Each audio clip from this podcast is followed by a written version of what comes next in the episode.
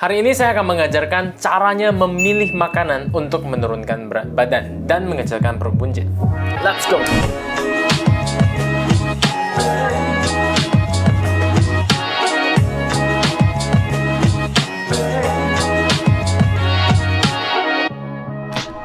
Hai semuanya, kembali lagi bersama saya Dr. Dion Haryadi. Selamat datang di channel The Doctor's Diet. Video hari ini adalah bagian dari playlist diet menurunkan berat badan untuk pemula. Buat teman-teman yang belum menonton video-video sebelumnya, bisa cek di playlist diet untuk pemula. Oke? Okay?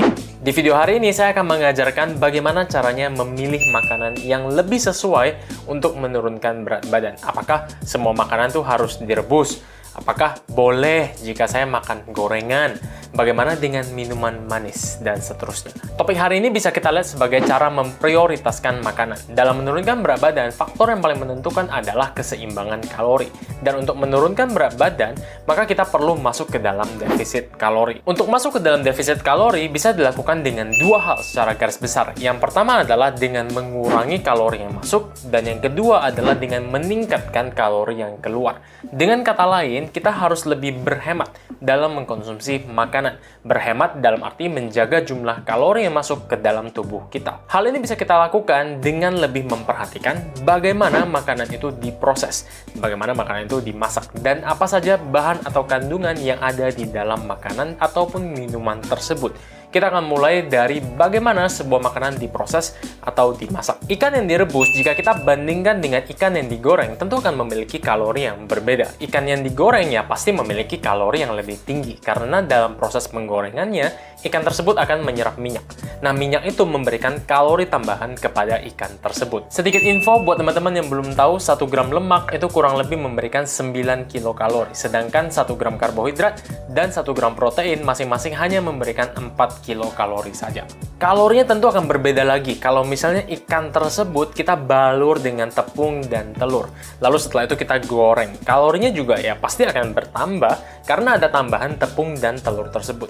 Inilah hal penting yang harus diperhatikan bahwa dalam proses memasak, terutama hubungannya dengan menggoreng, menumis, itu bisa meningkatkan jumlah kalori pada makanan tersebut. Secara kasat mata memang nggak kelihatan peningkatan kalori ini, tapi kelihatan nggak kelihatan, suka nggak suka, ikan yang digoreng itu memiliki kalori yang lebih tinggi daripada ikan yang misalnya direbus doang. Oh gitu, berarti kita nggak boleh makan ikan goreng sama sekali ya dok? Bener kan? Kayak gitu kan? Bentar, tenang dulu.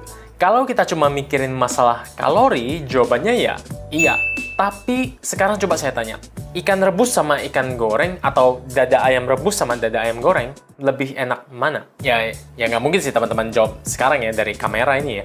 Tapi kalau saya sendiri, pendapat pribadi saya, ya jelas lebih enak ikan goreng atau dada ayam goreng dong. Apalagi kalau misalnya kita makannya pakai sambal, pakai nasi putih anget, minumnya es teh, Proses memasak, entah itu digoreng atau ditumis, setelah itu kita berikan bumbu dan lain sebagainya, bisa menambahkan cita rasa pada makanan yang membuat kita dapat lebih menikmati makanan tersebut. Dan menurut saya sih, kita harus bisa menikmati makanan yang kita konsumsi setiap harinya, agar proses penurunan berat badan, agar proses diet ini bisa berjalan dengan lebih baik, lebih lancar, jangka panjang. Kalau misalnya teman-teman tidak bisa menikmati makanan tersebut, ya buat apa? Program diet ini tidak hanya dilakukan untuk waktu yang singkat. Teman-teman akan melakukan ini untuk seumur hidup, ya. Jadi jangan pernah berpikir, ah nggak apa-apa lah, sengsara dikit, makan rebusan satu dua minggu, nanti kalau udah kurus baru deh kita balik lagi makan kayak biasa, makan enak Gak gitu ya, jadi teman-teman tetap harus bisa menikmati makanan-makanan ini. Nah, caranya bagaimana bisa menikmati makanan-makanan ini sambil tetap memperhatikan kalorinya, sambil tetap menjaga berat badan, ya ini yang saya ajarkan. Jadi, intinya adalah kita harus lebih memperhatikan bagaimana kita memasak makanan tersebut dan frekuensi kita makan makanan ini. Ada banyak metode masak hemat kalori. Nah, beberapa yang sering saya gunakan adalah dengan memanggang atau membakar makanan tersebut, setelah itu dibikin sup, atau bisa juga dengan alat air fryer. Dengan metode-metode ini setidaknya teman-teman akan menghemat kalori dari minyak. Kalau manggang atau membakar misalnya kita cuma perlu dikit aja minyaknya, nggak usah terlalu banyak. Mungkin kurang lebih cuma sekitar setengah sendok makan lah. Lalu kalau misalnya bikin sup, ya udah tinggal cemplungin aja ke dalam air, lalu bumbu-bumbunya aja yang dibuat lebih gurih supaya rasa dari makanan tersebut menjadi lebih enak. Sedangkan kalau menggunakan air fryer, proses penggorengannya biasanya tidak menggunakan minyak sama sekali atau kalau misalnya teman-teman mau bisa tambahin sedikit aja minyaknya, nggak usah banyak, cuma beberapa tetes doang dan hasil dari makanannya biasanya juga sudah cukup renyah. Walaupun kalau boleh jujur ya nggak serenyah makanan yang digoreng ya. Tapi ya, ya boleh lah, udah cukup oke, okay, udah cukup enak kok menurut saya. Lalu kalau misalnya menumis makanan, kadang-kadang saya malah nggak pakai minyak sama sekali, soalnya teflonnya bagus. Ya, sombong ya. Nggak, nggak, tapi seriusan. Jadi kalau misalnya teman-teman mau invest untuk alat dapur, invest di teflon yang bagus, yang anti lengketnya itu oke. Jadi kalau untuk numis sayur atau manggang ayam itu nggak perlu pakai minyak sama sekali dan nantinya saat dibersihin itu nggak lengket.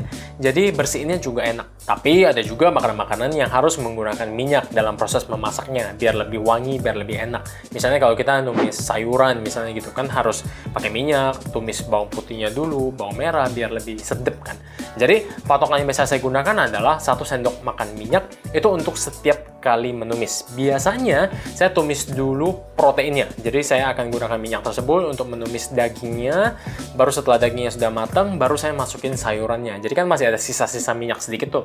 Nah sisa-sisa minyak itu yang digunakan untuk menumis sayuran tersebut. Nah ini kalau kita menghadapi makanan-makanan yang dimasak di dalam rumah. Beda lagi saat kita berhadapan dengan makanan-makanan yang ada di luar rumah.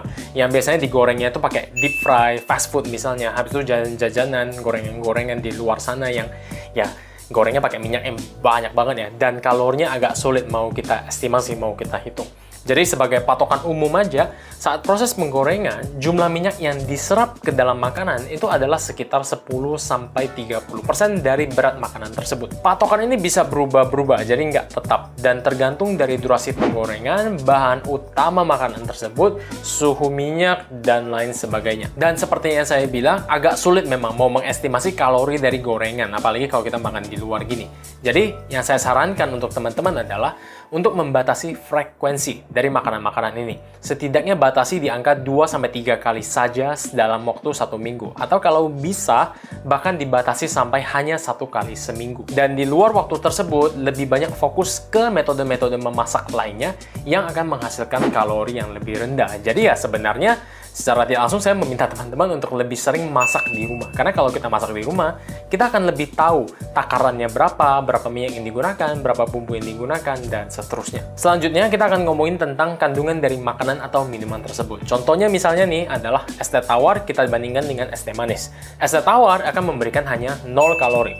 Kalau es teh manis dengan 2 sendok makan gula misalnya, itu udah memberikan kurang lebih sekitar 100 kalori. Belum lagi kalau misalnya kita minum sampai 2 gelas, ya kalorinya akan menjadi lebih banyak lagi. Contoh lainnya lagi misalnya saat kita makan bakso. Kalau kita makan bakso doang, nggak pakai bumbu, nggak pakai saus, kalau kita bandingkan dengan bakso yang pakai kecap manis, pakai saus tomat, saus sambal, kan pasti yang ada pakai saus-sausan ini lebih enak ya. Tapi kalorinya juga lebih tinggi. Solusinya menurut saya adalah untuk lebih memperhatikan hal ini. Kalau misalnya teman-teman lagi makan bakso misalnya, ya pakai kecap manisnya nggak usah banyak-banyak deh. Yang biasanya sampai banyak-banyak sampai 2 sendok makan misalnya. Sekarang cukup cuma setengah sendok makan doang. Terus kalau misalnya teman-teman lagi mau minum yang manis-manis yang seger-seger yang dingin-dingin ya agak-agak ditahan lah. Karena kalorinya lebih tinggi jadi lebih baik misalnya minum air mineral dingin atau misalnya teman-teman bawa botol minum dari rumah. Terus kalau misalnya mau minum yang seger-seger yang manis-manis ya nggak usah dulu deh. Minum air es dingin aja. Nanti yang manis-manis minumnya dijadwalin seminggu sekali misalnya atau dua minggu sekali. Nggak usah terlalu sering ini penting untuk diperhatikan. Saat masak juga sama. Kadang ada yang menambahkan banyak sekali kecap manis atau misalnya olive oil atau mayones misalnya ke makanannya dan nggak ngerti bahwa hal tersebut sebenarnya menambah jumlah kalori yang dikonsumsi. Iya, memang benar kamu makan sayur. Sayur kalorinya memang rendah dan nutrisinya tinggi. Tapi kalau dressingnya, sausnya itu kalorinya tinggi, ya sama aja. Bohong bos, bohong bos, bohong bos, ya. Jadi harus lebih diperhatikan. Untuk itulah mengapa penting untuk bisa membaca tabel nutrisi. Jadi saat teman-teman membeli produk kemasan, teman-teman bisa langsung mengetahui bahan apa saja sih yang tergantung dan berapa sih kalorinya dari produk tersebut. Lalu kalorinya ini datangnya dari mana sih? Protein kah, lemak kah, karbo kah, atau kalau misalnya dari karbo, apakah dari gula kalorinya ini? Terus kalau misalnya iya gulanya berapa sih? Nah, lalu dari sana teman-teman bisa mempertimbangkan apakah teman-teman memerlukan produk ini atau tidak. Satu hal lagi yang wajib teman-teman lakukan adalah sering-sering ngecek Google. Misalnya kalau bingung, wah ini saya mau pakai saus tiram buat masak. Saus tiramnya ini tinggi nggak ya kalorinya? Ya udah tinggal Google aja saus tiram kalori atau oyster sauce calories. Nah nanti akan keluar tuh hasil-hasilnya dan teman-teman tinggal menyesuaikan saja. Oh satu sendok makan ternyata kalorinya segini. Oh ya udah deh saya pakai setengah sendok makan aja dan seterusnya. Sekian untuk video hari ini. Semoga bermanfaat buat teman-teman semuanya. Ingat masih ada banyak video di playlist ini. Jadi kalau bermanfaat buat teman-teman jangan lupa untuk subscribe ke channel ini. Ya, I'll see you in the next video. Bye.